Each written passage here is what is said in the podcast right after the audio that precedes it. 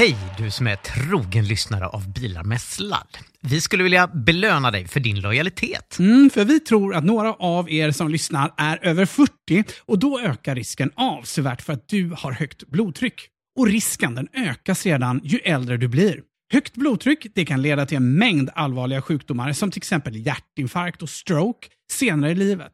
Nästan en femtedel av er som är över 40 har för högt blodtryck och de flesta vet inte ens om det. Jag och Fabian driver vårdcentralen Hälsa Hemma som du möter i vår app. Om du bor i Stockholm, Göteborg eller Malmö och listar dig på Hälsa Hemma vårdcentral så skickar vi hem en digital blodtrycksmätare till dig helt gratis. Blodtrycksmätaren kopplar du till Hälsa Hemma-appen och får där instruktioner om hur du kontrollerar ditt blodtryck. Gå till hälsahemma.se bilar med sladd för att ta del av erbjudandet.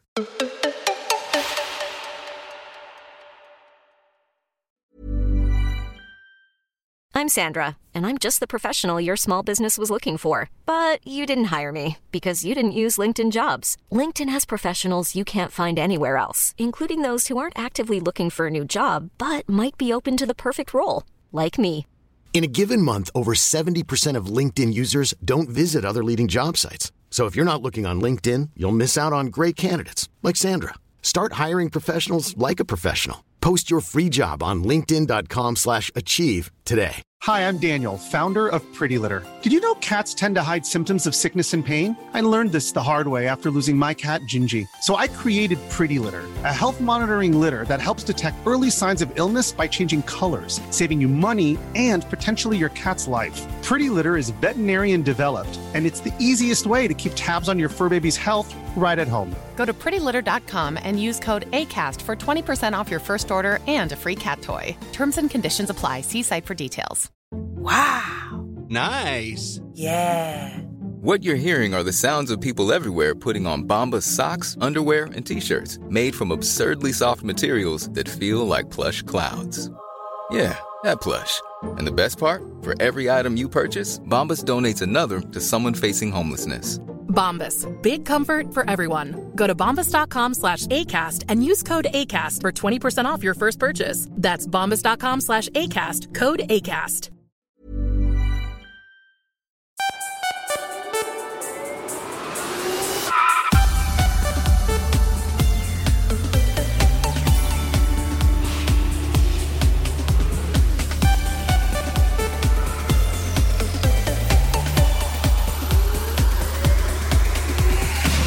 Säsongens första avsnitt av Bilar med sladd pratar vi om trafikkaoset i Skåne när det kom lite snö där. Vi hör om miljardstöd till Northvolt, en helvetisk julresa med elbil, det senaste om Tesla-strejken och så tar vi reda på vem som är världens största elbilstillverkare.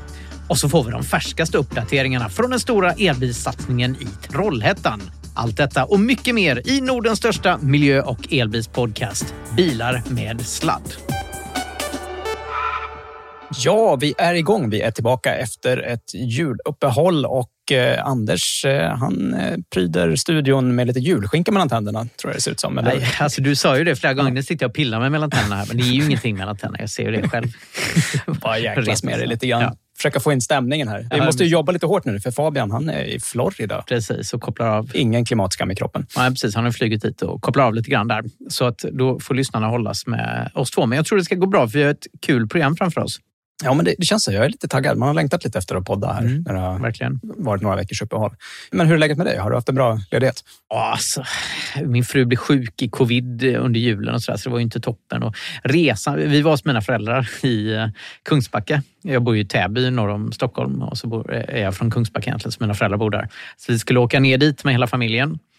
Eh, Och eh, det är en sju timmars tur med laddstopp och stanna och käka och lite så. Är ganska rejäl tur, helt enkelt. Ja. Ja, det får man väl säga egentligen. Man har barn i bilen. Ja, precis. Så att vi tänkte så att, oh, det var ju också 23 som vi åkte ner vid stora trafikpendlardagen där. Okej, Så ja. Fullt med trafik. Så då hade, vår plan var att vi sätter klockan på sex på morgonen och så har vi, bilen var hela färdigpackad, allting var färdigt. Så vi bara skulle kunna hoppa in klockan sju och åka iväg liksom, för att ta, slippa jultrafiken. Så vi gjorde det faktiskt. Vi pallrade oss upp där, lyfte ut barnen sovande i bilen, eller halvsovande. Förutom min mellanunge då, Hugo, som satte sig med sin telefon och började titta på den liksom yrvaket morgonen där och titta på Youtube-klipp och grejer. Eh, Så vi kom till från Täby till Danderyd innan han spydde. Och då hade vi inga spypåsar så han bara spydde rakt ut. Så här, Eh, Och så började det lukta luktade så här härligt sött i hela Ja, kupén. nej, liksom. nej, det var inte roligt. Det var en stor spya också. Liksom. Mm. Så att det var bara att vända om och så tillbaka igen. Då, då hade vi åkt två mil, så Mm. då var det tillbaka igen då, två mil. Hela din så här laddkalkyl på vart du ska ladda. Allt gick åt helvete. Allt gick åt helvete. Alltså, för det första, då, han fick gå in och duscha. Jag la mig i baksätet och sanerade bilen där och torkade bort spy. tog en timme för mig bara att få bort spy. Hur, hur fick du bort spyan från hamsten undrar jag? Ja, hamstern var inte med, den var hemma under jul. där. Eh, men, eh, nej, men det var katastrof då. Så att jag, det var ju kallt som fan där också, så att jag låg ju och torkade spy med värmen igång i bilen givetvis. Liksom. Så att dels så drog jag ju massa energi av värmen och så hade vi wastat fyra mil då, fram och tillbaka. Mm. Eh, och så kom vi iväg liksom nio på morgonen då. Eh, Och då fastnade vi såklart i jultrafiken som jag hade velat undvika. Och I och med att jag hade wastat så mycket energi också så var jag tvungen att göra ett extra laddstopp som jag inte hade planerat för. Och där var det laddköer, så fastnade jag i kö. Och sen så i och med att vi kom fel i trafikrytmen så fastnade vi i den här trafiken som vi ville undvika. Så det tog 11 timmar att åka turen dit. Fan, eh, det kanske är bättre med bensinbilen då? Eh, Nej, det är det inte. Det är inte. Eh, I vanliga fall brukar det funka. Mm. Men just det här, i det här fallet har det nog faktiskt varit bättre med Det, det är lite strångt jobbat att ta iväg så här, sju på morgonen. Alltså, förutom att det gick fel. Då, liksom, det är bra jobbat med tre barn liksom, att komma iväg. Eh, så, eh, vi, vi brukar ha omvänd strategi om vi ska liksom, undvika trafikkaoset. Det är bara att vi, vi, vi känner oss själva och vet att vi, vi kommer att komma iväg ungefär en och en halv timme efter att vi siktar på. Så vi siktar någonstans sen förmiddag Ja, när ruschen har lagt sig. Ja, just det. Kör kvällen då. Men alltså, lösningen för oss är att vi packar bilen i förväg. Vi har gjort det här innan, det funkar ganska bra. Då. Så Mm. Bilen är färdigpackad. Det enda som är kvar inne det är tandborstarna så att de kan borsta tänderna. Och så bär vi ut dem halvt sovande i pyjamasen ut i bilen. Mm, mm. Och då, det funkar jättebra. Ha. Mm. Jag, jag glömde säga att jag blev påbackad också på vägen tillbaka på en laddare.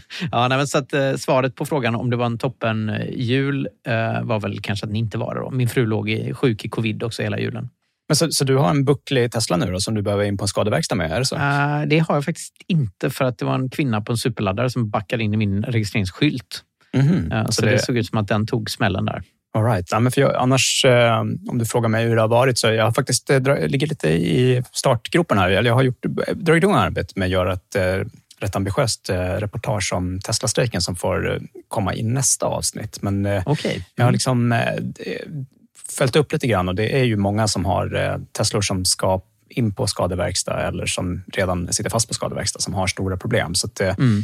Det ska vi få höra lite mer om i nästa avsnitt. Vad har hänt där och vad är status just nu? Har det hänt något mer eller så? Jag har inte tänkt med på det. Ja, men det, det som har hänt som vi kan nämna snabbt, vi ska ju ta ett större grepp på Tesla-strejken i nästa avsnitt, då, men det som har hänt under ledigheten här nu, det är att de här besluten om de... Alltså, det, det är ju två pågående rättsfall med Tesla helt enkelt. De har ju stämt dels å ena sidan då, eh, Transportstyrelsen för att kunna få ut regelplåtarna på annat sätt än via Postnord eftersom den vägen är blockerad. Just det. Och dels så har de stämt Postnord för att få ut de regelplåtar som sitter fast hos Postnord. Och där var det ju så att Tesla fick initialt en, en eh, framgång med att eh, tingsrätten snabbt gav dem rätt att få eh, regelplåtarna på annat sätt.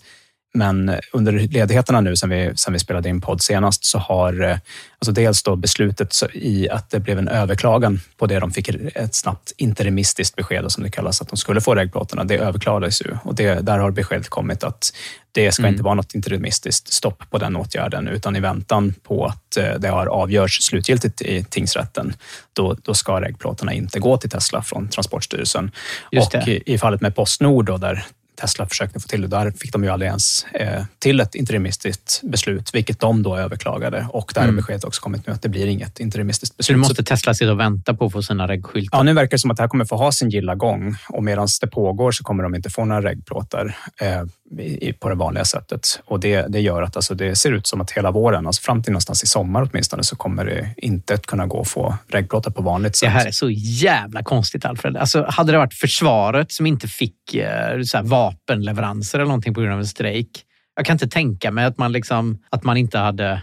Är du med? Ja, nej, men så här, det, det handlar ju någonstans om att eh, ja, men det, rätt- det, det som rätten har fått pröva är ju att det, det, arbetsmarknadskonflikt har ju grundlagsskydd. Liksom, och att det, det, det är någonstans där de har prövat om det är så att den här skadan som liksom uppstår av konflikten eller som uppstår av att Tesla inte får sina regplåtar, är det så allvarligt och bestående att det i väntan på beslut ska, ska ha sin gilla gång? Liksom? Det är ju Transportstyrelsen här som ska leverera nummerskyltar till Tesla. Det har ju ingenting med strejken att göra. Mm. Det är ju helt uh, orelaterat till strejken. Det är bara för att de har upphandlat Postnord som leverantör av de här nummerskyltarna och Postnord har, eh, där strejkar personalen så de blockerar Tesla.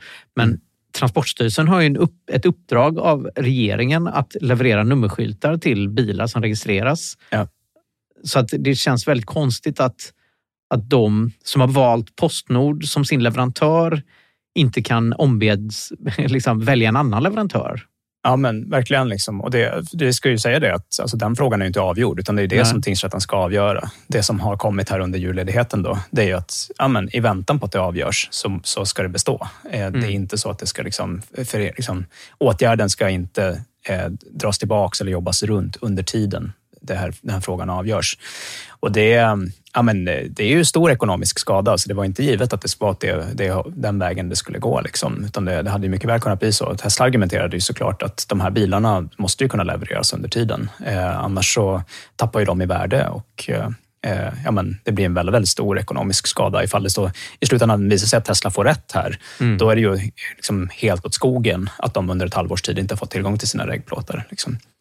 Men ja. Eh, Ja, det återstår att se och vi tar ett större grepp. Vi ska följa upp liksom de olika sympatiåtgärderna. Det var väl lite oväntat innan att en av de sympatiåtgärderna som skulle få störst effekt var att de skulle kunna lyckas blockera regplåtarna genom att gå in på postgången. Liksom. Mm. Det, det kändes inte givet innan och det verkar vara liksom den sympatiåtgärd som eh, facken har, har, tagit ut mot Tesla som verkligen skapar störst problem för Tesla. Även om de då har en workaround nu där man skriver över bilarna på kunderna och så får kunderna hem en regplåt från Transportstyrelsen istället som man får ta med till leverans. Men det ska vi säga att det är inte alla leasingbolag som går med på det. Eh, en del av leasingbolagen och alla privatkunderna, då är det lätt att göra så. Men en del av leasingbolagen, vilket då ändå blir en stor eh, del av Teslas kunder, de kan inte få sina bilar nu. Då. Så det finns många som väntar på tjänstebil och annat som inte kan få sina bilar för att eh, leasingbolaget vägrar att vara behjälplig i det här. Men nu låter det som att du går händelserna i förväg lite och avslöjar lite vad som ska komma i nästa Nej, men Det kommer mycket mer med i reportaget som, som okay. ni får höra nästa gång. Men faktum är att jag har också... Vi, vi var ju inne på i, när vi, vi pratade om liksom lite skillnad mellan olika autopilotgenerationer. För du har ju en, en dina Teslor, din Tesla som, din Model X är ju en autopilot 1-bil, eller hur? Mm, mm. Och sen så har ju vi fått många lyssnarfrågor om vad de här olika generationerna betyder och att liksom de senare Teslorna som ska få den här full self-driving, det är alltså om man har autopilot generation 3 eller senare. Och många av de som fick bilar innan dess av generation 2 eller 2,5, de har ju då blivit uppgraderade till version 3 genom att få sin nya dator. Eh, och så har vi ju haft en liten, liten, liten grupp som har haft då autopilot generation 2 som har då andra kameror än 2,5. Så 2,5-bilarna de blev identiska med generation 3 om man fick den uppgraderade självkörningsdatorn. Och så har vi haft en liten grupp som haft autopilot generation 2 där man haft andra kameror mm. men den nya datorn. Till exempel du? Till exempel jag. Då. Och så var vi inte riktigt säkra på hur det där skulle bli. Nu har det visat sig att jag har faktiskt fått meddelande från Tesla och eh, jag och förmodligen alla andra som har autopilot generation 2, vi kommer faktiskt få nya kameror av Tesla. Så att, eh, vi kommer få de nya kamerorna, vilket gör att då alla autopilot generation 2-bilarna blir identiska med de 2,5-generationen som då blir identiska med generation 3 när de får sin uppdaterade dator. Så det betyder att det kommer att finnas alltså autopilot generation 1 och autopilot generation 3. Det finns inga autopilot generation 2-bilar kvar i trafik liksom, ur, ur okay. självkörningsperspektiv.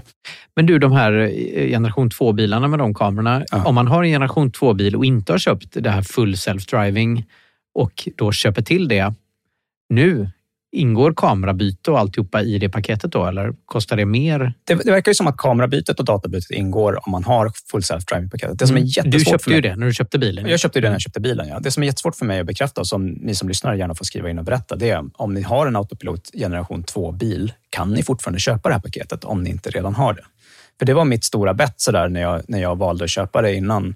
Eh, jag hade liksom var beredd på att det kunde ta tid. Det har definitivt tagit ännu längre tid än vad jag trodde när jag gjorde det. Liksom, att, eh, jag valde att köpa paketet. Men det jag var rädd för skulle hända var att jag har en bil som är uppgraderingsbar, men det visade sig vara dyrare än vad Tesla har trott att uppgradera den. Eh, så att de slutar sälja paketet i min bil och så vill jag för, för att undvika det och liksom köpa paketet så att jag var säker på att de var tvungen att hålla min bil uppdaterad. Så att nu hoppas du egentligen då att det inte går att uppgradera Autopilot 2-bilar för att då har du ändå gjort ett bra köp då när, när det väl kommer? Nej, jag hoppas för allas, alla skull att det fortfarande, fortfarande går. Liksom. Men, men det är definitivt så att det är så här, vi funderar ju på att byta bort den här bilen nu. Den, börjar ju, den har gått 16 000 mil och liksom, eh, över sex år gammal och sådär. Så, men, men jag tänker någonstans att eh, när FST blir tillgängligt i Europa, då kommer jag nog få bättre betalt för den här bilen mm, än vad jag får säkert. idag. Liksom. Ja, absolut. Just nu är det ju dåliga tider att sälja bil också. Det är väl lika bra att sitta, sitta på den? Va? Du äger den också?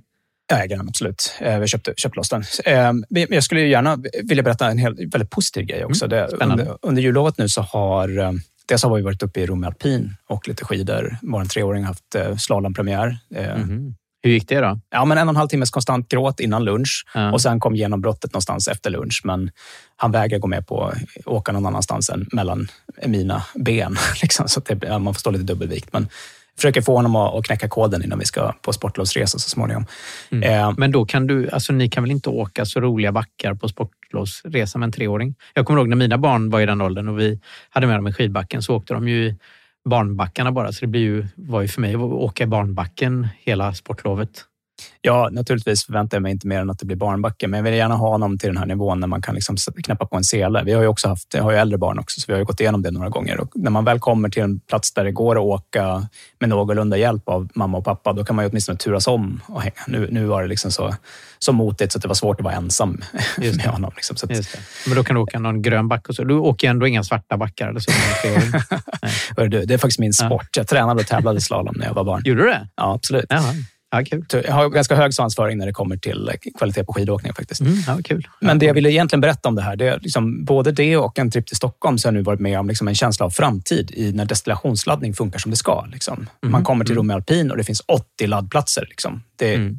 inga problem, utan trots att det är liksom en sån parkering som verkligen blir mycket folk på. Så, mm. nej, men det, man behöver inte bekymra sig. Man behöver inte fundera på om det går att boka eller någonting i förväg, för det finns fler laddare än som behövs säkert. Liksom. Mm. Och det är naturligtvis toppen när man kan stå och ladda medan man åker skidor, så att det inte det. är något att fundera på laddningen på vägen hem. Liksom. Och samma faktiskt en upplevelse nu. Vi har ju rapporterat om att eh, Stockholm Parkering, alltså det kommunala parkeringsbolaget i Stockholm, håller på och bygger laddplatser överallt. Liksom. Och nu hade jag en, en tripp till Stockholm där jag var tvungen att åka fram och tillbaka över dagen. Och så svänger man in på liksom, parkeringsgaraget eh, under Medborgarplatsen och det är liksom en hel våning där alla parkeringsplatser har laddare. Liksom. Mm. Och det är så skönt att vi börjar vara där. Liksom. Att det, det, är naturligtvis inte så att det är löst överallt, men det är skönt när man börjar så här, man har inte kollat så mycket i förväg och så är det bara ändå redan kolugnt. Liksom. Ja. Storstäderna är ju jättebra nu, men det är fortfarande många små orter där det knappt finns några laddplatser överhuvudtaget. Där det är otroligt svårt att ladda. Ja. Så att de har ju kommit olika långt här, de olika kommunerna.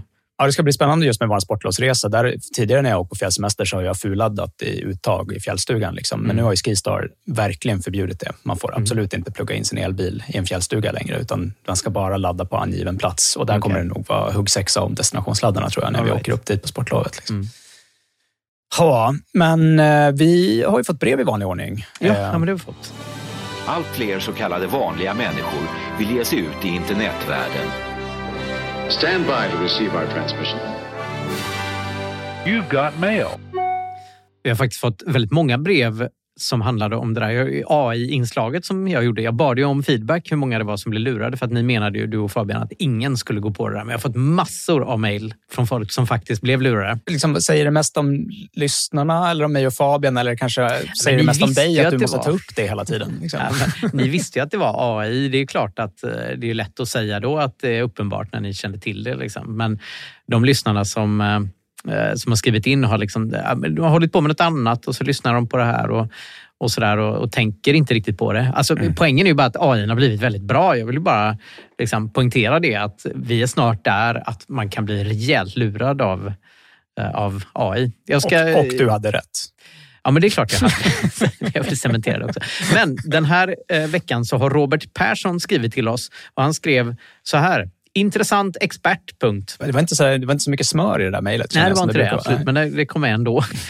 men han eh, tog med en länk till en artikel i Sydsvenska Dagbladet som handlar om det här stopp stoppet mellan, eh, på E22 i Skåne där mellan Hörby och Kristianstad. Ja, just det. Det var ett rejält kaos. Va? Ja, det var ju det. Precis. Över ett dygn de fick bli stående. Liksom. Ja, och det var ju snö, storm och det var snö överallt och det blev helt stopp i trafiken. Det var över tusen bilar som hade fastnat eller fordon av olika slag då, som, som inte kom iväg. Uh, och det hände ju någon gång då och då. Det var väl länge sedan det var sånt galet snökaos sist. I synnerhet i Skåne kanske? I synnerhet i Skåne, absolut. Men uh, det, är väl också, det brukar inte vara så mycket snö där, så jag tänker mig att de är kanske mindre förberedda när det väl händer. Ja, ja. Hur som helst, uh, M Sverige, vår, vad ska vi kalla dem, vår antagonist. Um... Det är väl synd, du, alltså, du har ju utbildat dem så de har väl bara ja. bra expertis nu eftersom du har varit där och föreläst? eller?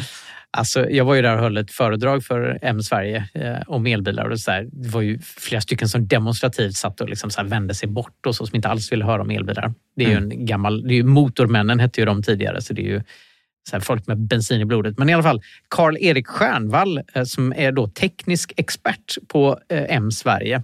Han uttalade sig om det här trafikkaoset i Sydsvenskan och då så sa han så här att i en sådan extrem situation har de klassiska bensin och dieselbilarna fortfarande sina fördelar jämfört med elbilen.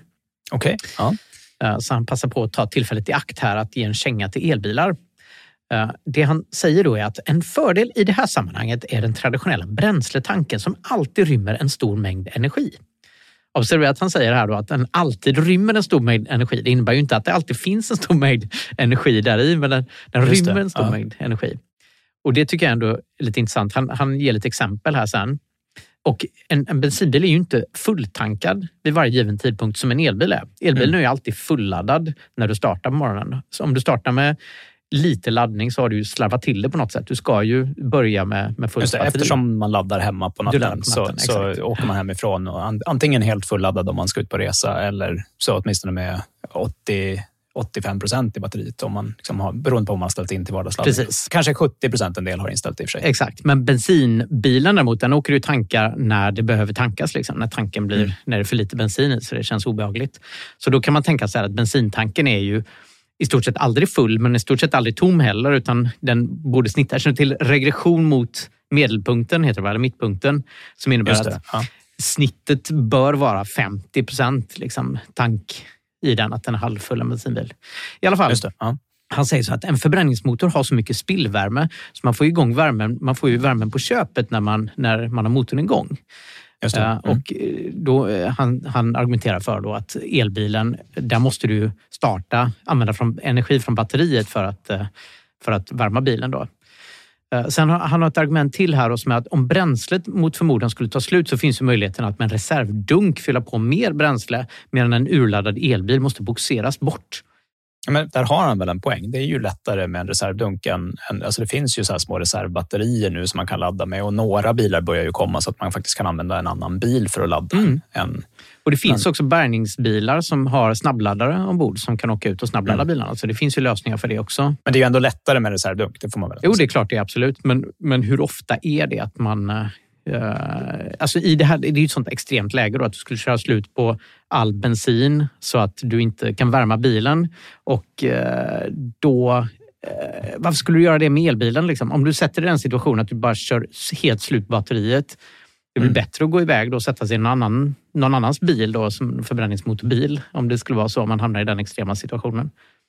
Ja, men det var väl ett ganska bra test där också. De, alltså, de satt ju fast i ett dygn. Liksom. Hur, hur många var det som blev strandade då? Det var ju över tusen som blev strandade, men jag vet inte hur många elbilar det var. Jag har inte hittat någon som körde slut på sitt batteri. Du hade hittat någon som... Ja, men jag, jag har sett ett par artiklar med folk som sådär, alltså just haft den här vinkeln att ja, men det, när man sitter i kön och eh, batteriet bara sjunker och sjunker liksom, för att eh, man ska hålla bilen varm mm. eh, och man blir stressad för när det ska ta slut. Och mm. Sen så är, liksom, landar de där artiklarna i att så här, ja, men hade 70 procent när jag fastnade eller någon som hade lite mindre när de fastnade. Och sen så när de ett dygn senare kommer loss så har de fortfarande 30-35 procent kvar i mm. batteriet liksom, när de kommer fram till laddaren. Så då är det mm. så här, rätt tydligt att så här, okay, om det går att sitta i över ett dygn då, då är det ju kanske liksom inte någon fara på taket. Då, även, även om det är lättare med reservdunk så verkar det som att det går att leva utan den fördelen. Mm. Då, liksom. ja, men dels är ju det här extremt ovanligt, så att det är ju ett konstigt case att gå ut och veva i, i debatten liksom, runt det här. Men jag tog fram en liten räkneövning. Jag satte mig och räknade lite på det här. Det är ju alltid roligt att se hur stort problem är detta. Liksom. För han mm. säger också nämligen att eh, elbilen, eh, där har du bara värme för att sitta några timmar medan du kan sitta i jättelänge då i en förbränningsmotorbil. Så att jag eh, googlade lite runt vad en elbil och bensinbil drar när de mm. går på tomgång då, eh, för att värmas. Och eh, det är, är massa faktorer här, vad det är för temperatur ute och hur stor bilen är och lite sådär. Men eh, generellt sett så säger man så här att en förbränningsmotorbil drar mellan 0,8 till 2 liter bensin per timma när bilen är igång beroende då på hur kallt det är och hur stor motor det är hur stor kupé det är som ska värmas upp och så också. Mm. Så jag tog Renault Clio som en liten bil som exempel. Uh, och där räknar jag på då att då drar den i den nedre delen av det spannet. Och så, låt säga en liter bensin per timme i, när det är kallt ute. Så räkna åt det snälla hållet. Liksom. Mm. Uh, då skulle ju den då tanken rymmer 39 liter så att om den är halvfull så är det ju 19,5 liter då, eh, bensin. Du kommer ihåg att räkna med det att snittet bör vara att den alltid är halvfull. Just det, om, den är, om den är fulltankad så hade det varit, det varit typ två dygn. Ja, men är liksom. det mindre än halvt så är det åt andra hållet. Om de i genomsnitt är halvtankade så då, Precis, då är det liksom ja. ett dygn. Och drar den en liter per timme då, så är det 19,5 timmar kan du sitta i en Clio innan tanken är tom. Mm. En Renault Zoe då, som eh, är exakt motsvarande bil eh, från Renault, exakt samma mm. storlek. De är byggda på samma plattform. Den startas ju normalt sett fulladdad, men jag tänkte ändå det för att räkna åt fel håll på den också. Då. Så låt säga att man, det är 52 kilowattimmars batteri i en sån. Mm. Men om man har dragit av, som man gjort av med, med 10 kilowattimmar när man fastnar i snöstormen här, då, så är det 42 kilowattimmars eh, timmar kvar i den här bilen. Då. Mm. De har gjort av med 20 procent redan. Då drar kupévärmaren cirka 2 eh, kilowatt när det är 10 minusgrader ute på den bilen. Jag lyckades googla mig fram. Och mm. Är det då 42 kilowattimmar i batteriet så är batteriet tomt efter 21 timmar. Så då blir du sittande längre i Zoin än en, en Clio. Men sensmoralen är typ att man, om det är väldigt mycket oväder, då kanske man inte ska ha lite energi med sig oavsett om det är bensin man har i tanken eller elektroner i batteriet. Liksom, utan att det gäller att kanske inte vara så nära gränsen. Då, för att, menar, det låter rimligt. Det bygger ju ändå på att du har 70-80 procent kvar i batteriet, att det ska, ska räcka ett dygn då. Mm. Med, med det låter så. rimligt. Men alltså, hur ofta fastnar man ett dygn? Det var ju eh, bandvagnar också som kom. Man kunde ju som evakuera folk och sådär. Så att ja. det är ovanligt. Och Sen är det också så att om man skulle köra med en bil med extremt lite batteri så att du måste, eller, eller lite bensin också oavsett. Liksom, då kan du väl gå och sätta dig i någon annans bil och sprida ut det om du skulle hamna i den situationen att det inte finns energi. Man vill ju inte sitta där och frysa ihjäl om det inte kommer några bandvagnar. Mm. Men det är, det är såna extremfall och det löser sig alltid i slutändan. Det finns ju, kommer man ut med så här värmefiltar och grejer. Liksom. Ja, men det, är tydligt att det är teoretiskt. Om det var nu så tusen bilar fast i kö i ett dygn ungefär mm. och ingen blev strandad. Mm. Så då är det väldigt tydligt att det här är ett icke-problem, tänker jag. Någonstans.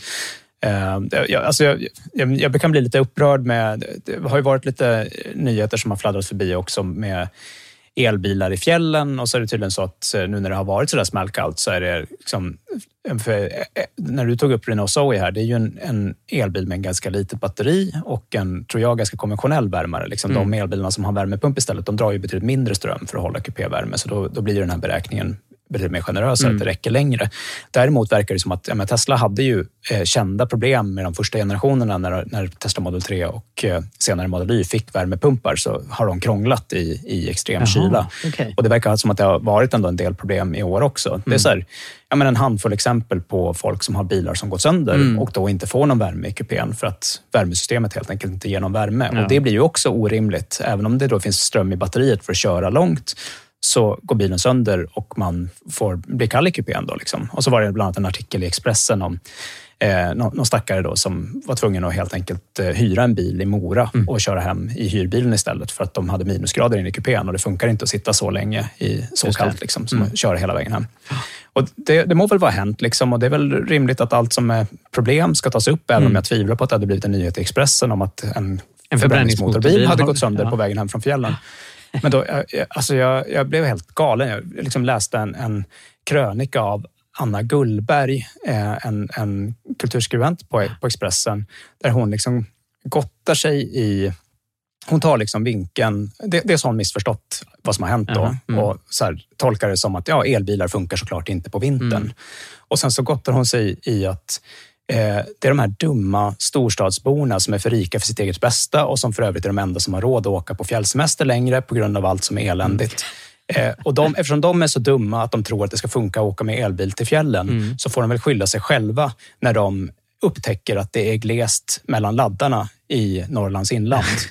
Du vet, jag har ju kört eh, vår Model X från 2016 har jag kört till Kiruna utan problem. Ja. När det var i skitglest mellan laddarna. Nu är det ju extremt mycket laddare på den vägen och det var ju inlandsvägen. Ja, och det är väl for- fortfarande så att det behövs fler laddare. Det kan ju bli laddkö, eh, alltså speciellt när Mm. det är så här eh, stugbytarhelger och så vidare. Men, men det, man, man tänker att så här, de här bilarna vi pratar om, de är liksom inte dyrare än en Volvo. Mm. Det, det skulle ju inte vara okej att någonstans säga att så här, någon som har köpt en Volvo får väl skylla sig själv om de är så dumma att de tror att Volvon ska funka att använda till att åka på, i- i fjällen Ja. om den går sönder. Men det- man, det, jag tycker det är så... eh, Ja, jag, ja, ni märker, det är som Ja, ett troll Men för jag, mig. undrar, Liksom. alltså, det här är ju det här clickbaitiga. Att eh, det är mycket, mycket lättare att få läsa det på, på en extrem och, och väldigt eh, så här, svartvit ståndpunkt. Ju. Ja, men som, som dessutom är då helt felaktig. Liksom. Att det, är så här, det är inte det att det inte funkar med elbil i fjällen, det är att den här bilen har gått sönder. Ja. Och du typ gottar i att någon har fått sitta i 20 mil i minus 10 i kupén för att deras bil gick sönder. Ja. liksom. Men har det alltid varit så här? Och du är ju utbildad journalist. Har det alltid varit så här om du hoppar tillbaka 40 år i tiden när man skrev krönikor? Var det, var det så här liksom, att man använde felaktiga premisser och svartvit argumentationsteknik liksom, för, att, för att fånga läsare? Ja, det tror jag. Det var så? Okej. Ja, det tror jag. Ja, men ni lyssnare som är äldre än oss som eh, får gärna skriva in. Så här, är, är- debattklimatet annorlunda?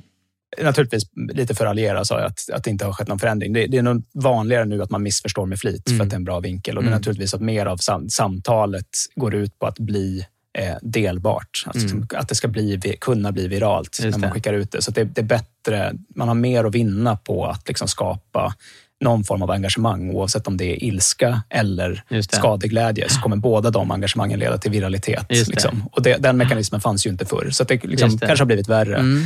Men, men så här, dumma krönikor fanns ju för 40 år Ja. sedan också, herregud. Lyssnarna får gärna höra av sig. Jag ska bara nämna att Karl-Erik här på Riksförbundet M Sverige, han eh, avslutar då i den här artikeln i Sydsvenskan med att eh, vara kritisk mot hur elbilarna marknadsförs. För han menar att räckvidden och laddningen gäller under sommarförhållanden. Det stämmer ju inte helt utan det är ju en, te- en testcykel, VLTP som den heter, som används då, så det är inte helt korrekt. Då. Eh, Men han menar att tester som har gjorts i Norge visar att de tappar mellan 20 och 40 procent när temperaturen ligger på minus. Och det stämmer ju absolut. Bilarna drar mer av, och inte bara av att eh, det ligger på minus, utan att det är större rullmotstånd och sådär. Även i regn drar elbilarna mer. Mm. Och såklart motorvägshastighet och så också. Men han säger så här att enligt lagstiftningen så måste den vara som säljs i ett land fungera under de förutsättningar som råder där. Här i Sverige har vi vinterväder och på vissa håll arktiska temperaturer och då måste ju bilarna klara det. Men bilarna klarar det. Alltså de gör det. Det här är ju, det här är ju inte sant. liksom. Eh, och, och jag menar, om, om det finns någon så här, han har någon idé om att det finns en idealplats där, där allting är perfekt och man kör runt i, i rosor liksom som, som eh, be, be, bekläder eh, motorvägarna och, och temperaturen är perfekt och så. Det gör ju inte det. Alltså, Åker du i södra USA, ska du till Nevada och du fastnar i, i någon kö där, liksom, då ska du sitta i 40 plusgrader och luftkonditionering som också laddar ur batterier eller drar bensin. Liksom så här.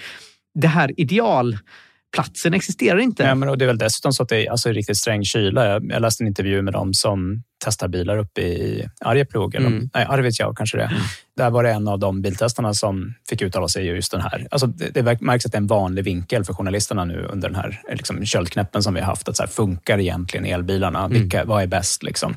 Eh, och, och han uttalade sig att så här, det som, de som funkar allra bäst i sträng kyla Bortsett från att man såklart får räkna med kortare räckvidd, det är elbilarna. De startar alltid no matter what. Liksom. Det finns ingenting som heter att en elmotor inte startar. Medan de som funkar allra sämst då, det är dieselbilarna eftersom det finns... Alltså, dieseln som bränsle ändrar ju viskositet i riktigt sträng kyla. Så, att- och det finns många rörliga delar, delar som kläggar igen. Så det är inte ovanligt med att dieselbilarna inte startar när det är minus Just 40 helt enkelt. Och det är väl ett större problem än man tappar 20-40 procent av räckvidden skulle jag kunna tycka då. Så då ska man inte få sälja dieselbilar då? Eller Nej, vad, vad men alltså om man ska använda M, M Sveriges sätt att, och resonera. Så så är det så. Och sen, eh, alltså, på vissa håll är det monsunregn. Måste bilarna vara helt, alla bilar vara helt vattentäta då för att eh, de har sådana problem? Om de ska få säljas i monsunen, ja. exakt. Ja, exakt. Ja, men det är så dumt. Liksom, det där. Och M Sverige, de är ute och vevar. Varje gång det är någonting så är de ute. Och det är typiskt elbilarna som de hackar på. Ja, men vi hade ju deras ordförande med som gäst i programmet. Vi får väl kanske bjuda in henne igen och kolla hur det går med förändringsarbetet Ja. i, M Sverige. Eller vad säger du? Ja, alltså, Jag tror att det är svårt för dem för att många av deras... eh, Med, det är ju en medlemsorganisation som betalas av medlemmarna och de medlemmarna som är medlemmar i Motormännen, de är nog liksom så här, eh, traditionellt sett lite mer intresserade av motorer och tror inte det är liksom så här, Ja. förgasare, cylindrar. Ja, det är fördomar från vår sida. Ja. Miljardstöd till Northvolt, nya turer kring elbilstillverkningen i Trollhättan och så följer vi upp vem som egentligen vinner i den här vadslagningen mellan mig och Anders om vem som blir den största elbilstillverkaren. Det kanske inte blir någon av oss. Mm. Vem vet? Allt efter detta. Ryan Reynolds here from Mint Mobile. With the price of just about everything going up during inflation, we thought we'd bring our prices down.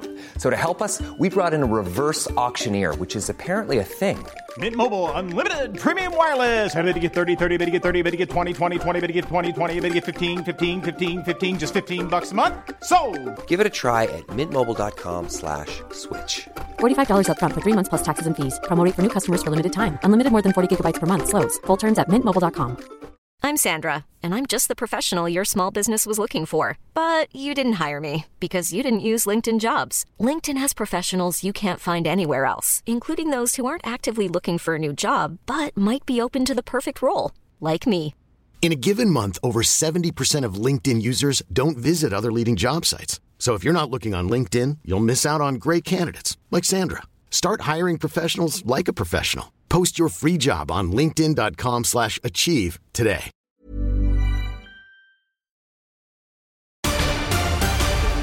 Northvolt säkrar 10,1 miljarder kronor i bidrag direkt från tyska staten för att bygga ännu en batterifabrik. Vi har ju rapporterat en hel del om eh, Northvolt eh, genom tiderna. Vi har ju bland annat haft Peter Karlsson som gäst. Jag undrar om vi har Just nämnt det. det, förut. Ja, men det har vi nog sagt några gånger. Vi har nog kanske sagt Ja. det någon gång.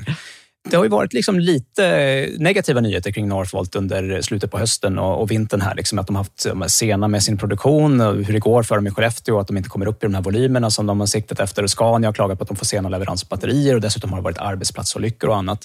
Och vi har också rapporterat om att det har funnits ett liksom spel mellan EU och USA i dragkampen om att få den här batteriproduktionen, att den ska läggas till det egna landet så att säga. Just det. Var det just denna fabriken eller generellt pratar du nu om? Ja, nu pratar jag ganska generellt, men just den här fabriken då, som, som har varit tänkt att byggas i Tyskland, den har ju verkligen varit i skottgluggen. Peter Karlsson var ju ute i debatten för något år sedan och, och hotade med att flytta hela det här projektet till USA om inte Europa bättre anpassade sina regelverk och sitt stöd för motsvarande projekt här hemma. Jag tror till och med att det var du, Anders, i podden som sa att så här, han tänker nog inte antingen eller, utan han kanske tänker både och. Ja. Har du någon kommentar till det? Ja, men eh, det var ju korrekt. ja, Vi kommer ju föra sen om, om eh, Tesla-vadet där, där jag kanske möjligen inte var så korrekt. Så att jag får ju eh, liksom liksom fånga upp de, de små segrarna jag har. Ja. Nej, men nu står det i alla fall klart att han har ju fått gehör här och tyska staten har då också fått klartecken från, med konkurrenshänseende och så vidare från EU att de får ge det här stödet. Och det blir alltså över 10 miljarder kronor för att bygga den här fabriken i nordtyska staden Heide eh, utanför Kiel någonstans i Tyskland. Och den här anläggningen ska då börja producera batterier 2026 och likt fabriken i Skellefteå så ska den så småningom nå en kapacitet på 60 gigawattimmar när den är fullt utbyggd eh, enligt planen nu då 2029. Men eh, jag tog med den här nyheten delvis med tanke att vi skulle kanske diskutera lite vad, så här, vad ska man tycka om sådana här stöd? 10 miljarder, liksom, Mm. är, det, är det bra välinvesterade skattepengar? Det tror jag. Vi slåss ju mot kineserna som bygger batterifabriker så det står härliga till. Det är ju svårt generellt sett för det privata näringslivet att ta sådana här dunderinvesteringar. Det är ju lite samma som kärnkraften också. Eller hur? Det är lite samma, samma problematik där. Att om, inte, om man inte får hjälp så blir det inte gjort och då står vi där med, med kinesiska batterifabriker istället som knackar på vår dörr.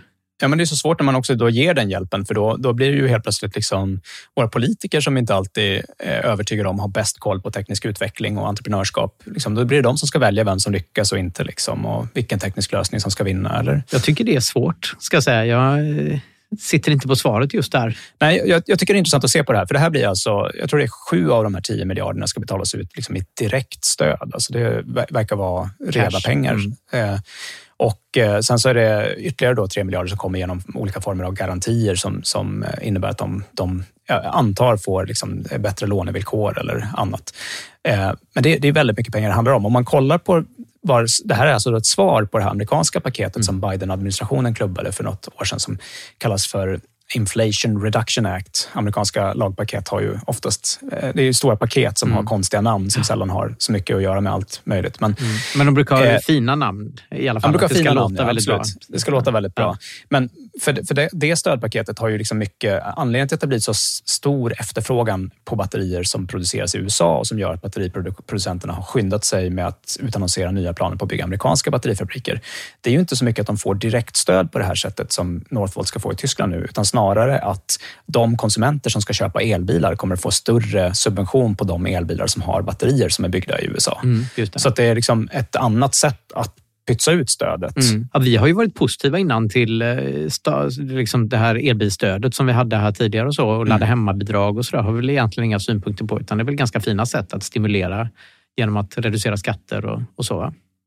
Ja, alltså det, det är ju, jag kan tänka att det, det, är fint. Eh, det är bra på något sätt att, att eh, stödja att den slutgiltiga fördelen uppstår. Mm. Det vill säga att någon köper en elbil och att den kommer ut på marknaden som den inte skulle ha gjort annars. Eller att någon väljer att installera solceller på taket och så vidare. Men här blir det ett väldigt stort bett på att Northvolt klarar av att leverera och att de batterierna som de producerar också hittar in i elbilar som sen faktiskt säljs då och så vidare. Om det visar sig att det var någon annan som hade varit bättre, haft en bättre förmåga att bygga en batterifabrik än Northvolt, då är ju, då är ju det här stället mycket i sjön. Liksom. Ja, men det ehm. kan också gälla andra tekniker. Nu råkar vi mena att elbilar är helt rätt att satsa på, batteri, ja. batterier och så. Men tidigare har man ju storsatsat på massa idiotteknik Uh, etanol. Tänker du på kärnkraft då? Eller eh, vad? Kärnkraft tror jag inte är någon idiotteknik. Jag tror det är en väldigt bra, bra väg Bara framåt. trolla dig. Ja. Men däremot, eh, däremot etanol var ju ingen dundersatsning som vi gjorde. Sådär. Mm. Och sen järnvägar och så kräver ju också stora statsinvesteringar. Och det, man var ju väldigt länge inne på att bygga höghastighetsjärnväg mellan, vad var det då? Det skulle byggas ett, en ny stambana mellan Stockholm och Malmö och Göteborg, va? Ja, exakt. För tåg som skulle gå i 300 km i timmen. En satsning som jag var för, men som du tycker är helt hål i huvudet. Alltså ja. jag, jag tyckte det och tycker fortfarande det att det är liksom så här, den tekniken var ju med järnvägar var ju på topp liksom 1880-tal, någonting sånt. Nu, jag bygger gärna järnväg på pyloner tror jag är bra. Eh, för att mm. vi kommer behöva frakta folk ändå vidare. Men det här att bygga, skära 50 meter banvall en rak sträcka genom landet, det är ett sånt makabert ingrepp liksom, i naturen och där människor bor och sådär. Och uh, för en teknik som är väldigt gammal. Jag tänker att det här går ju att göra Ja, skitsamma, det är en ska, annan inte, ska inte fastna i Nej. järnvägen. Jag har nog en del saker jag skulle kunna säga till, till, till järnvägens försvar mm. där. Men, men alltså, jag tycker det är intressant att notera att liksom, det amerikanska stödet är utformat på ett annat sätt. Där det blir ett, en huggsexa om att få bygga batterier, mm. men det egentligen inte går något stöd rakt av till de som bygger batterierna, utan det snarare är så att de bygger för en marknad som uppstår på grund av att det blir konsumentefterfrågan mm. mm. på bilar med sådana batterier. Och vidare så finns det liksom en problematik i det här, även om jag tycker det är superbra att man satsar skattepengar på den gröna omställningen och glad att en svensk aktör som Northvolt får ta del av det här stödet, så finns det en problematik här där EU har ju tidigare varit ute och vevat i debatten om att man håller på att granska det kinesiska statsstödet mm. som ligger bakom de kinesiska bilarnas eh, låga priser mm. och menar på att det kanske ska komma till lite tullar och så vidare här för att mm. skydda den europeiska tillverkningen om det är orättvist stöd som går till de kinesiska tillverkarna och som eh, liksom skapar artificiellt låga priser på dem. Man kan ju börja med att homogenisera tullarna för att det är olika. Kinesiska tullen på europeiska, europeiska bilar är högre än mm. europeiska tullen på kinesiska bilar. Så det kan ju vara en start där i alla fall, att det är samma tullar det, börjar bli tydligt här i alla fall att alla, om man ser det som de tre stora marknaderna här, då, Kina, Europa och USA, så håller alla på med olika typer av stöd till den egna industrin mm. som de andra kan hålla emot den i liksom, eh, debatten om vad tullarna ska vara på. Och jag tror att den situationen sammantaget leder till en situation där det riskerar att bli så att vi betalar ut massa pengar i skatt av skattemedel helt enkelt för att stödja den här omställningen. Men där de lägre priserna som det skulle kunna ge, vid handen, ge resultat i Mm. eh, inte når slutkonsumenterna för att det försvinner i att man sen får skydda sig mot konkurrenternas eh, varor med tullar istället. Då, liksom. Mm. Och då blir det väl så att ja, men i så fall så kommer de europeiska bilarna med europeiska batterier vara billiga i Europa och amerikanska bilar med amerikanska batterier billiga i USA Mm. och kinesiska bilar med kinesiska batterier billiga i Kina. Men om de ska exporteras, ja, då får de för höga priser Ja. och det försämrar i sin tur då, i slutändan konkurrensen mellan Mm. elbilstillverkarna. Men då kan man väl hoppas att, eh, för tullarna är ju en separat fråga. Stöd och tullar måste ju inte nödvändigtvis hänga ihop utan det är ju en, ett orsakssamband där som där, för jag menar, vi har haft stöd också för elbilsförsäljning också. Det kan ju också man argumentera för att vi ska ha tullar för att det ska vara europeiskt sålda elbilar och så vidare. Jag tror att tullarna hade varit väldigt bra att eh, få ner för att få frihandel mellan nationerna. Men samtidigt tror jag det är vansinnigt viktigt att vi har en industri i Europa som kan förse Europa med bilar. Det är, det är ju skakigt i världen nu med krig och, och sådär som pågår. Och Om vi är fullständigt beroende, alltså titta Tyskland hur de gjorde sig beroende av, av rysk gas för, för uppvärmning och så. Vi vill inte sitta i knät på Kina för att de kan sen bara utpressa oss hårt. Liksom. Utan vi, vi behöver vara självförsörjande menar jag på elbilsbatterier och bilar och allt som vi behöver för att kunna fungera så att man kan stänga gränserna om Ja, det skulle behövas. Det håller jag ju naturligtvis helt med om. Men jag tycker att den amerikanska utformningen på det här verkar vara smartare. Liksom att den, den drar mer nytta av marknadslogiken i att det skapas en marknad och sen så måste alla batteritillverkare då vara skitduktiga på att bygga Mm. batterier. Här blir det ju väldigt tydligt. Så här, ska, men ska alla som vill bygga en batterifabrik få 10 miljarder av tyska staten? Mm, nej, det är. Eller- Men jänkarna är smarta. Alltså vi, jag tycker vi, det sprids väldigt mycket dynga om USA. Man, man skojar och skrattar mycket åt USA och sådär, men de gör väldigt mycket rätt också. Det är ändå världens största ekonomi, så någon, någonstans gör de någonting rätt i alla fall. Får man säga. Men ganska liten befolkning. De är ju bara 350 miljoner. Va? Vi är ju 800 miljoner i Europa och de är en större ekonomi än den europeiska om jag inte minns fel. Ja, det, det, stämmer. Det, vilken härlig P3-övergång det blev. Ja. Men eh, du har varit i Trollhättan på besök, tror jag. Eh, Det har jag faktiskt. Men inte nu nyligen. Det var, ju, det var ett tag sedan jag var där. Jag var ju faktiskt hos Nevs och eh, alltså den här National Electric Vehicle Sweden som köpte Saabs konkursbo eller delar av det. Och eh, nu då så rapporterar vi innan jul här om den Nevs nu sålt eh, sitt elbilsprojekt Emily GT och Pons som var den här eh, självkörande podden har de nu sålt då till en, det som beskrevs då som en kanadensisk tillverkare av elbilar, EV Electra. Du kommer ihåg vi pratade om det? Jajamän, ja. Det var, ju, det var lite liksom skumrask kring det där Ja, men precis. Vi, både du och jag hade ju läst upp oss på det här och anade lite ugglor i mossen, eh, vilket andra också naturligtvis hade gjort då. Eh, för det här är ju då en eh, libanesisk skum typ som har gått in där och jag tror vi pratar om det här där han hade gått in i Detroit Electric som är en brittisk biltillverkare som, eh, eh, där de hade liksom, eh, de skulle köpa det där och, och stal någon bil av dem och så här. Så kaos där de inte alls ville, tyckte att det var en god idé att EV Electra skulle vara involverat i någonting. Då. Eh, Men Ele- eh, EV Electra då, eh, menade att de skulle då bygga bilar i Trollhättan igen. Det skulle bli elbilar och det skulle vara storsatsning och sådär. Men det var till och med så att Nevs, liksom, som, när de så att säga, släppte taget om det här, och då Mm. presenterade de som en stor nyhet att det var liksom, en av anledningarna till att de hade valt att sälja till just EV Electra istället för någon annan, det var just för att de hade säkrat då att det skulle bli tillverkning Just det. i Trollhättan som jag förstod det. Just det. Men det kommer det inte bli nu då. Utan när man har intervjuat Jihad Mohammed som står bakom det här projektet så svarar han att det inte kommer bli någon tillverkning i, Trollhättan. I alla fall inte de- de närmsta 18 till 24 månaderna. För de har inte fått lov att köpa marken och produktionsanläggningen.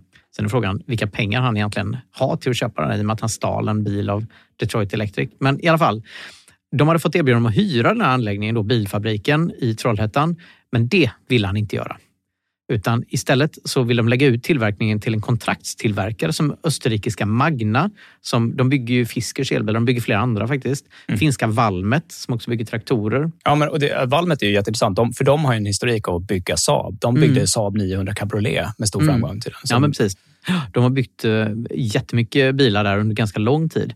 Men eh, vänta lite, Va- varför, varför är det okej att hyra produktionskapacitet från andra men inte just från Saabs gamla anläggning? Ja, men som, som jag har läst mig till det så, så beskrev han det som att han vill inte hyra sitt hem utan han vill äga det. Liksom. Så att om de ska investera stort i Trollhättan så måste de äga anläggningen. Och det, alltså, jag vet inte, det kan man väl ha sympati för. Sen så men det har ju, som du var inne på, det har inte framgått någonting i den här debatten om vad det är för erbjudande, vad han har erbjudit på att få köpa anläggningen då, helt enkelt. Utan eller om det han bara använder det här som ett svepskäl till varför han ska då kunna svika löftet som fanns i affären tidigare om att produktionsstarten skulle bli i Trollhättan och till sommaren. Liksom. Mm. Men det ska inte bli någon tillverkning inom de närmsta 18 till 24 månaderna, säger han också. Alltså den ja. fabriken, jag var ju besökte den fabriken, den är ju nedmonterad och allting är sålt och sådär. Det går inte att få igång någon tillverkning på 18 månader. På en, det är bara en, en stor tom... Det finns lite grann ja, kvar. Alltså när när Nefs presenterade affären så, var det ju, så var, beskrev det som att det var klart. Det skulle börja anställas eh, folk här i januari och produktionsstarten av Emily GT skulle ske till sommaren, sa de när, när de sålde projektet. Liksom. Ja, um, ja men eh, det var ju tråkigt. Men det anade vi. Det, kan ju ändå, så här, om det blir en bil här då, ifall de får ett avtal med Magna eller andra bilar som Valmet redan bygger, det är de här Lightyear och Sono eh, Motor som vi, mm. vi har mm. pratat om tidigare. Deras eh, modeller är tydligen Valmet som bygger. Så det kanske höjer sannolikheten att det ändå blir en Emily GT på marknaden. Eller det hade varit coolt förstås. Men då är ju det en bil som är ritad i Trollhättan och byggs i Finland och ägs av i Libanon. Liksom. Det är inte mycket svenskt kvar i det, mer än att vi sålde ritningarna till dem.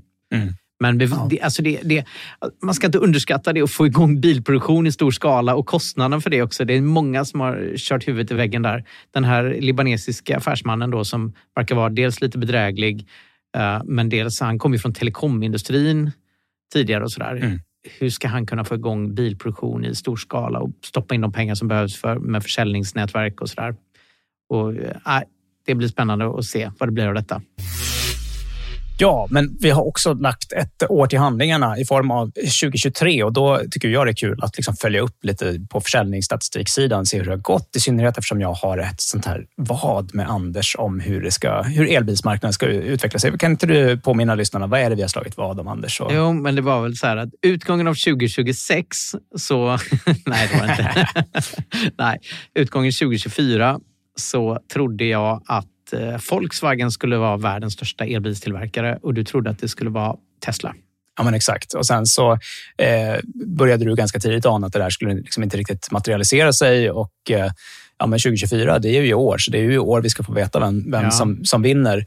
Jag, jag i något eh, svagt ögonblick stack ut hakan och sa att så här, ja, men vi, vi kan ändra vadet. Det kan vara bilar generellt, inte mm, bara elbilar. Och, och där, eh, Ja, det, det, får jag äta upp. Jag var åtminstone mm. något år för tidigt med, med det. Men... Får jag bara rationalisera för lyssnarna lite hur jag resonerar då? Det här var ju, var det 2021 eller 2022 vi slog vad? Ja, till och med tidigare än så. 2020 eller 2021 var, var det, det så vi, vi ja. tog det här vadet. Volkswagen har ju varit världens största, största biltillverkare och de har mm. slått med, eh, slagits med Toyota om att vara det. Och Toyota har ju helt missat eh, elbilsrevolutionen så då eh, liksom, de avskrev jag.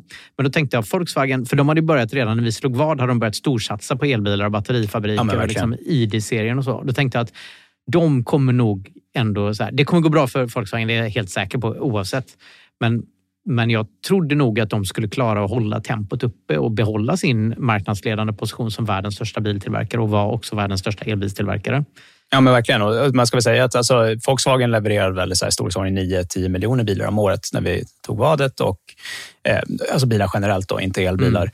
Medan eh, Tesla vid den tiden låg på någonstans mellan 500 000 och 900 000 tror jag, levererade bilar om året. Liksom. Så det var ju tydligt att Tesla var en mindre biltillverkare. Men, men just det, det, det är också så här, det är så tydligt hur marknadsandelarna någonstans sätter sig. Och eh, när, när marknaden sen växer så är det väldigt svårt att liksom, ta ikapp det när någon har sprungit före som Tesla har gjort. Men jag tänkte nu att vi ska kolla igenom lite hur det har gått eh, under 2023. Mm. Så jag har läst Spännande. på en hel del här och gjort lite ja. research. Så det, nu ska du sätta tillbaks, luta dig tillbaka Anders, så ska du få en, en riktig genomgång här och en historia. Alltså, För, kniv i magen tror du skulle säga. ja, men 2023 var ändå året då den globala försäljningen av elbilar faktiskt nådde cirka 20 procent av den totala bilförsäljningen. Så det mm. börjar bli en ansenlig del av den totala eh, försäljningen. Och den riktigt, riktigt stora grejen som hände under 2023, det är faktiskt BYDs enorma framgångar. Under året så gick faktiskt BYD om Tesla som den största elbilstillverkaren. Under mm. det sista Oj. kvartalet 2023 så är faktiskt BYD den största med 526 000 levererade bilar då, bara det kvartalet. Medan Tesla, mm. trots att de slog ett eget rekord, bara inom citationstecken då levererade 485 000 elbilar. Ser man det var det jävligt. Vänta lite, är det ja. hybrider med i BYDs eh, siffror? Nej, eller? det är rena elbilsiffror. Så det, eh, det, är alltså, tar man med hybriderna också så är ju BYD ännu större mm. så att säga. Då. För Tesla tillverkar ju inga hybrider. Nej. Och eh, en annan viktig sak att, att poängtera om BYD är att de faktiskt inte, från och med 2023 så tillverkar de ingenting annat än hybrider och elbilar. De har inga rena förbränningsmotorbilar längre, vilket de har haft fram till eh, 2022 då, liksom, som det sista året de sålde. Men det har de inte sålt i Sverige. Jag tror de har sålt i Europa hybrider faktiskt, även om de, det har inte varit mycket av det. Utan det är ju elbilar Nej. de slås in på. Ja, men visst. Eh, ser man till helåret så då är Tesla fortfarande störst. Så att eh, Tesla sålde totalt under förra året 1,8 miljoner elbilar eh, medan BYD då bara kom upp i 1,6 miljoner. Men Volkswagen-gruppen de är liksom den enda legacy-tillverkaren som ens är med i matchen. Och då pratar vi alltså inte bara Volkswagen som bilmärke utan hela gruppen, det vill säga Audi och Skoda och alla märkena som ingår. Eh, trots att de är definitivt störst av alla andra så är de liksom inte ens hälften så stora som varken Tesla eller BYD. Då, liksom. Så det, det, är tydligt så att det finns en etta och en tvåa och sen så finns det ingen trea och fyra. Liksom. Och ja. sen så kommer eh, Volkswagen på någon kanske femte plats liksom, om man tänker igenom hur det borde fördela sig här. Att, eh, två tydliga ledare. Men Volkswagen var ju sena också, ska sägas. Även om ja. jag var glad att de var förhållandevis tidiga, för de vaknade långt före alla andra. Det var ju många som stod och skrattade. Jag tror Toyota fortfarande står och skrattar åt elbilar. Ja. Men men alltså de skulle ha börjat långt tidigare. Det är lustigt liksom att världens två största biltillverkare, Toyota och Volkswagen, stod och sov i kulisserna och så lät de det här hända. Att två helt andra biltillverkare plötsligt bara glider upp från helt nya aktörer eh, ja. och, och tar de här positionerna. Och vi har ju sett det här innan. Liksom. Kodak var ju världens största foto. De, de skrattar åt digitalkamerorna. De, det var ju de, de som uppfann, uppfann dem. exakt. Och sen begravde det projektet. Ja. Exakt. Eh, och vi har sett det många gånger. Liksom Nokia skrattar åt smarttelefoner och menar att de skulle göra det bättre och sådär. Men, och det blir ännu värre liksom, om man fortsätter att kolla längre ner på listan. Då. För då är det så att efter Volkswagen så är det ju inte så att de andra traditionella tillverkarna kommer på rad, utan de, de som kommer efter Volkswagen på listan över största tillverkare, det är då eh, de två andra kineser, SAIC och GAC, som är liksom de största grupperna efter Volkswagen. Och kollar man istället på sålda modeller, alltså bilmodeller, då är eh, Volkswagen ID4 det är den enda europeiska modell som överhuvudtaget är med på topp 10. Jag tror den ligger 8 eller 9 eller något sånt där. Annars är det då Model Y och Model 3 från Tesla i topp och resten är kinesiska modeller. Eh, har... Men det är inte så konstigt egentligen för att de har ju bara två modeller, en SUV och en sedan för liksom så här, om man tittar på S, Model S och Model X hos Tesla är ju premiumbilar så att de går ju bort för de allra flesta. Ja, ja de blir ju små, små i volymerna. Ja. Liksom. Eh, men, men liksom all, alla bilar från eh, Nissan, Renault, liksom, alla de andra stora tillverkarna, de lyser med sin frånvaro där. Då. Och sen så är det såklart så att många av de här kinesiska modellerna de är stora i volym för att det är billiga bilar. Liksom. Och det är svårt för de andra tillverkarna att, att ta sig dit. Men och anledningen till att det är så svårt för de andra, det beror ju på... Det, det, det blir tydligt när man tittar på lönsamheten i det här. Och där är det ännu då tydligare att BYD och Tesla håller på att vinna den här matchen nästan på walkover. Volkswagen som ändå verkar ligga bäst till i lönsamhet per tillverkad bil av eh, Legacy Auto, eh, de är extremt förtegna om sina faktiska marginaler på elbilar. Men de pratar om att nå någon form av margin parity som de beskriver det. Alltså att det ska bli ungefär samma som för förbränningsmotorbilarna under 2025 och att mm. de ska mm. försöka ta ikapp det här försprånget som BUD och Tesla har. Oj då, det blir ju eh, svårt för dem utan egna batterifabriker va? Ja, men de bygger ju egna batterifabriker. Ja, men har de det igång nu, att de använder sina egna batterier? De köper väl fortfarande jättemycket batterier? Dels är den här Northvolt-fabriken som, som eh, Northvolt bygger i Tyskland, den är ju mycket tänkt för Volkswagen-bilar. Och sen så bygger Volkswagen egen produktionsanläggning i Salzgitter. Fast de har är... inte det igång väl? Alltså, Tesla har ju massor med batterifabriker igång som sprutar ur batterier.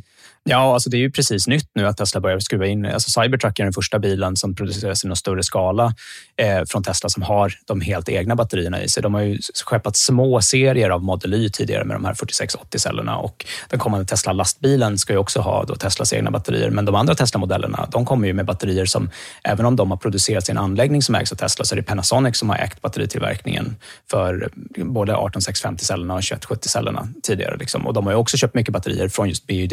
Mm eh, Mm. Fast det, är, det, är, det där Panasonic är ju lite semantiskt för de byggde ju sin Gigafactory i Nevada för många år sedan. De såg att det, det skulle finnas stort behov av batterier. Så mm. lät de Panasonic sköta själva hantera cell produktionen i fabriken, men det är ju ändå Teslas batterifabrik. Ja, ja men absolut. Alltså, till syvende och sist så kokar det ju ner till vad man får betala för batterierna och där är det Mm. tydligt att Tesla har ett försprång. Då. Inte, Mm. Dels av det du nämner, men också av att de är den absolut största köparen, vilket ju såklart ger ett förhandlingsläge när man ska bestämma eh, pris på vad man ska betala. Det. Eh, men det är i alla fall så att alltså, Volkswagen har varit, alltså, de har ju tidigare uttalat sig under 2023 när Tesla började sänka priserna så sa ju Volkswagen att vi ska inte delta i något priskrig. Det här ska inte vi hålla på med. Och det behöver man ju förstå mot en bakgrund av att de har problem med marginalerna på, på elbilarna. Och Det som är intressant här nu då, är att de under slutet på 2023 fick börja bromsa eh, i produktionskapacitet på sina elbilar för att de hade svårt med efterfrågan. Och De har faktiskt inlett 2024 här nu med att de har gjort ganska offensiva prissänkningar på ID3 och ID4. Så det verkar som att Volkswagen nu inte har något val annat än att följa efter och att försöka få den underliggande kostnadsmassan som ligger bakom det här att tillåta att de också kan sänka priserna på elbilar. Och samtidigt som då BYD och Tesla har haft priskrig och som är förklaringen till varför de har sålt så himla mycket, så har faktiskt BYD visat kraftigt stigande lönsamhet. De är så pass lönsamma på sina elbilar nu att de tjänar någonstans 20 25 000 kronor per såld bil. Eh, Tesla å sin sida, de har fått kraftigt försämrad lönsamhet i det här priskriget med BYD. De har ju fått sänka sina priser under 2023, men är ändå överlägset mest lönsamma. Så trots att de har gått ner jättemycket så tjänar de ungefär 40 000 kronor i genomsnitt per såld bil. Eh, samtidigt som då de andra tillverkarna som varken har volym eller skala eller momentum då, Mm. nätt och jämnt eh, kan klara av att gå med vinst överhuvudtaget. Vi vet ju att det finns andra tillverkare som Ford till exempel som är transparenta. De går rejält back på varje såld bil. Liksom. Ja, segt. Frågan är ju någonstans vart det här ska sluta. Det, jag tycker att eh, nu är 2023 var liksom året som eh, vi hade väl på känn, men nu är det liksom avgjort. Nu går det att se i siffrorna. Det är tydligt att det är BYD och Tesla som blir de stora vinnarna här på övergången till elbilar. Det är de som blir, om det var Volkswagen och Toyota som tävlade om att vara de största tillverkarna i framtiden när hela marknaden har blivit elbilar, då är det ganska tydligt nu att det är BYD och Tesla som kommer vara världens största tillverkare. Jag vågar sticka ut hakan och säga det. Alltså, det börjar bli dags att blicka, och blicka fram liksom 2032 eller något, sätta en ny. För att Volkswagen, så här, jag vill inte släppa, släppa Volkswagen, även om jag är helt klart förlorar 2024-valet här. Så Volkswagen har ändå, de är svinstora och de, har, de började ställa om ändå ganska tidigt. Vi startade podden här 2016 och då var ju vi, jag och Fabian var ju skitfrustrerade. Vi startade podden av frustration av att vi såg att elbilar kommer bli framtiden, men ingen annan tyckte se det förutom Tesla och några kineser. Eh, Men Volkswagen såg det några år senare, började ställa om och vid någon tidpunkt så började de, liksom, så här, om du tänker att eh, hangarfartyget får, får igång maskinerna, liksom, då borde Ja. de ändå kunna äta tillbaka lite av de här marknadsandelarna, tänker jag. För de har ju en stor försäljnings eh, organisation utbyggd och de har ett varumärkeslojalitet och Audi, eh, köparna älskar sina Audi-bilar och sådär. Mm. Tror inte att, att de kan liksom, i alla fall knappa in? Ja, men jag, jag känner mig inte orolig för Volkswagen-koncernens överlevnad. De är ju ändå så väl positionerade här att de kommer att klara sig. Liksom. Det är ingen, ingen tvekan om det. Sen så är det ju alltså, mycket av den här argumentationen som har kommit från många liksom, experter och eh, biltyckare. Liksom, de har ju någonstans tänkt att så här, om man är stor på att tillverka förbränningsmotorbilar, då kommer man att vara stor på att, alltså, då har man så många fördelar av det så att man kommer att kunna ha bättre liksom, kostnadseffektivitet i att sen bygga elbilar. Så att när man väl fattar och börjar, då kommer det bli svårt för alla uppstickarna. Och det som har börjat liksom, bli klart och tydligt nu, det är ju att naturligtvis är det svårt. Det har, varit, det har inte varit någon dans på rosor för varken Tesla eller BYD att ta den här positionen som de har tagit. Men det är tydligt att om man gör det rätt, då har det varit billigare att bli en stor biltillverkare än vad det är att avveckla den gamla produktions produktionskapaciteten. Det är ju viktigt att förstå att det är förenat med massa omställningskostnader att lägga ner all tillverkning av motorer och att eh, utveckla kompetensen som krävs in-house för att kunna börja bygga batterier och så vidare. Det är så annorlunda från det man har gjort tidigare. Att det, det man har haft som legacy med sig har snarare varit en nackdel än en fördel. Ja. De nya uppstickarna har ju inga omställningskostnader. De kan ju bara satsa på att bygga nytt, så att säga. Ja, men precis. Alltså, det är helt rätt. Det, det de stora och gamla har, det är massor med bilfabriker utspridda över världen. De, Mm. har, de kan och vet hur de ska få sina bilar godkända på alla marknader, så de kan ganska snabbt få ut bilar. Eh, om du tänker liksom bilen i form av ratt, säten, eh, blinkers och allt det som krävs för att bygga och få ut en bil. Det är ju väldigt svårt att göra för en uppstickare och där har ju Tesla ändå eh, förvånansvärt väl lyckats. För det är svårt att bygga en bil och få den god, typgodkänd och godkänd på alla marknader och sådär, eller hur? Mm. Eh, så det kan ju de. Och så har de bilfabriken och så har de försäljningsbiten. Ja, men och för, på försäljningssidan då så är det tydligt att alla som börjar nu, de väljer ju att gå på en återförsäljarlös modell. De vill ju snarare bygga en, en försäljningsmodell där de säljer direkt till konsument. Därför annars så stannar jättemycket av marginalen kvar i det här återförsäljarledet och det gör att du måste ha högre priser än annars. Och där är det ju så att det har tydligt visat sig nu att det är en fördel. Även många av de stora traditionella tillverkarna går mot den modellen. Med Volvo har ju till exempel jobbat hårt på att försöka liksom komma till en mer direkt till konsument. Men vad får de göra då? Jo, de måste, det är väldigt svårt att såga av den grenen som man sitter på. Som alla ens intäkter kommer från ett återförsäljarnätverk. Då blir det ju stort ramaskri i det återförsäljarnätverket om man börjar konkurrera med dem och säljer billigare än vad de kan sälja. Så det Volvo har fått göra då är att börja köpa de stora återförsäljarna för att kunna ta sig till en modell som liknar mer av vad Tesla gör. Då liksom. Så även där blir liksom återförsäljarnätverket inte nödvändigtvis en fördel utan kanske Nej. snarare en kostnad i omställningen. Och någonting som många inte har fattat är att nu har de lite möjlighet att göra den här omställningen snabbt när de fortfarande har intäkter från sin förbränningsmotorbilsförsäljning Mm. och, och marginaler där. Men när den försäljningen störtdyker och alla bara vill ha elbilar, då kommer de sitta med ett ännu större problem. För då har de inga pengar heller till att göra den här omställningen. Jag tror Toyota kommer ha väldiga problem när, när, för, för det, vi vet ju att de, de här trenderna... Kom, tänk, tänk tillbaka till 2010 när smarttelefonen kom.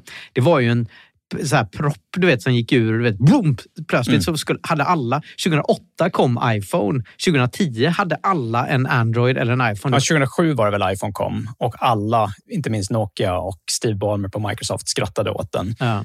2008 så började den liksom sälja, i, då blev den ju lanserad utanför USA och då började fler kunna köpa den.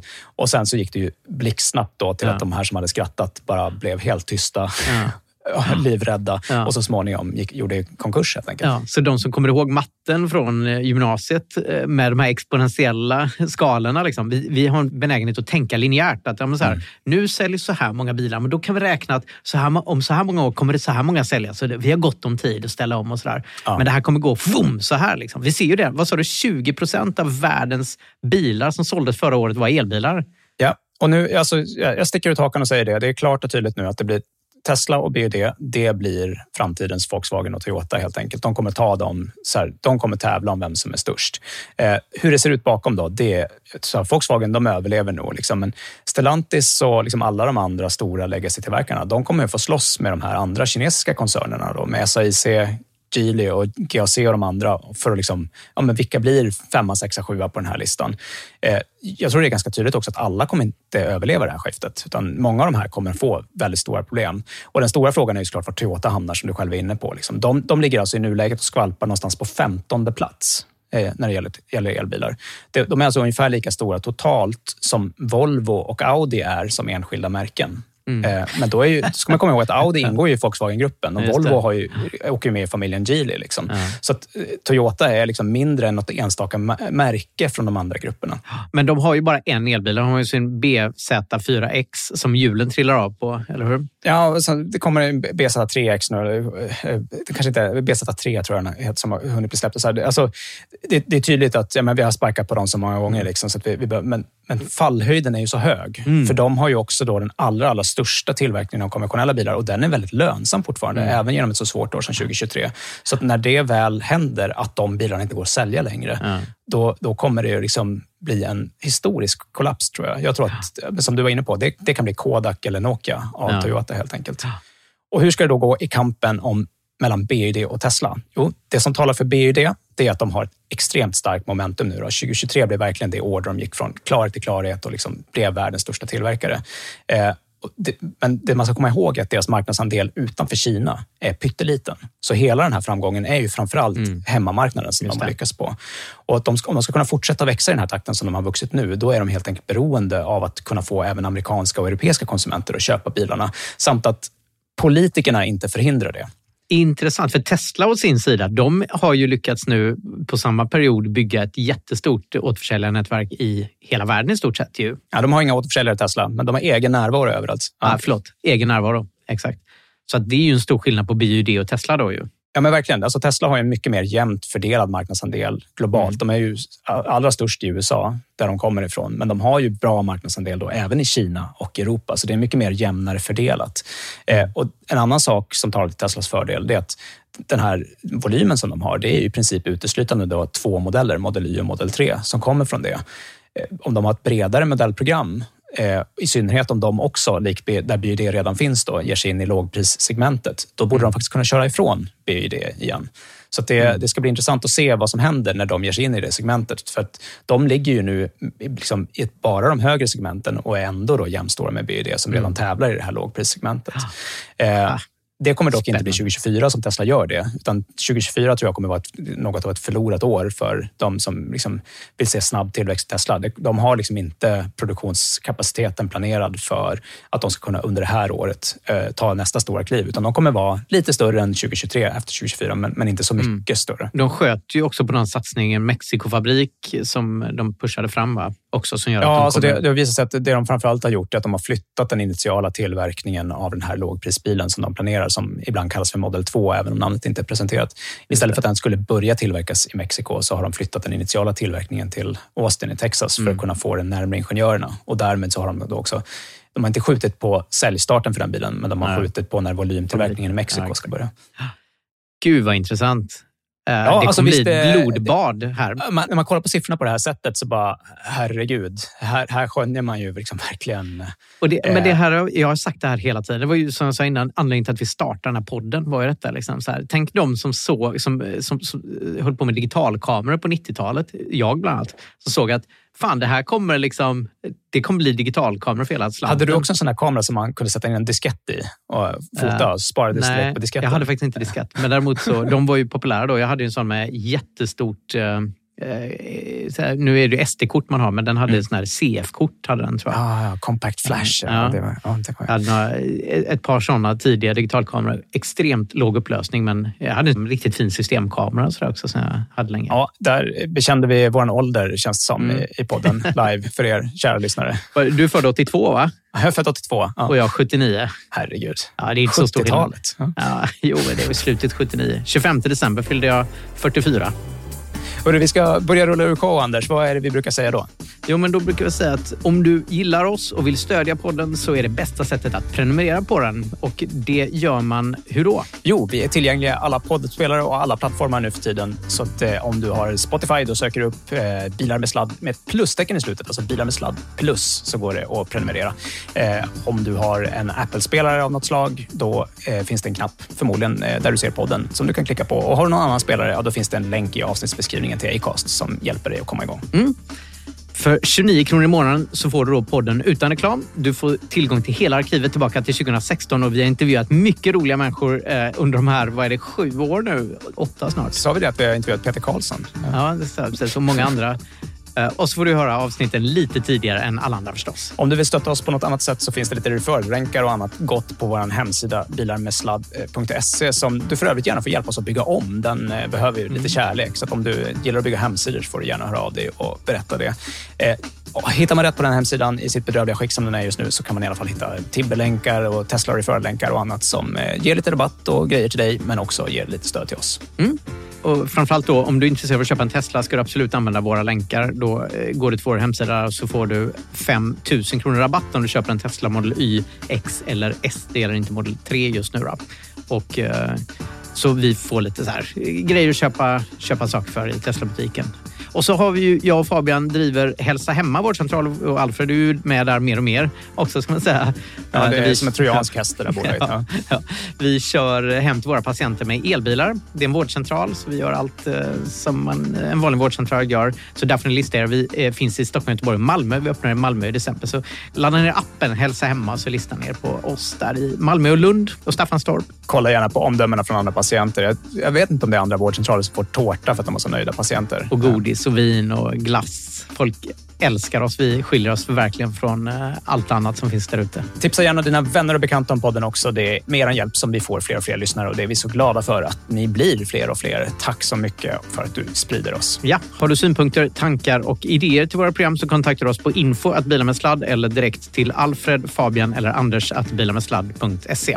Härligt. Och redigeringen stod Umami Produktion och Johan Chandokar. Tack för eminent redigering. Och ansvarig utgivare avslutningsvis är du Alfred. Så Alfred Rut. Och vad brukar vi säga allra sist? Hej då och lite sånt. Jag brukar säga kör elektriskt. Jag säger sladda lugnt. Så ses vi om två, möjligen en vecka.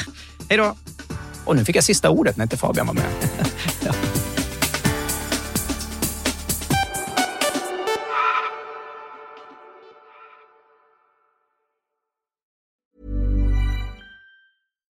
Hi, I'm Daniel, founder of Pretty Litter. Cats and cat owners deserve better than any old fashioned litter. That's why I teamed up with scientists and veterinarians to create Pretty Litter. Its innovative crystal formula has superior odor control and weighs up to 80% less than clay litter.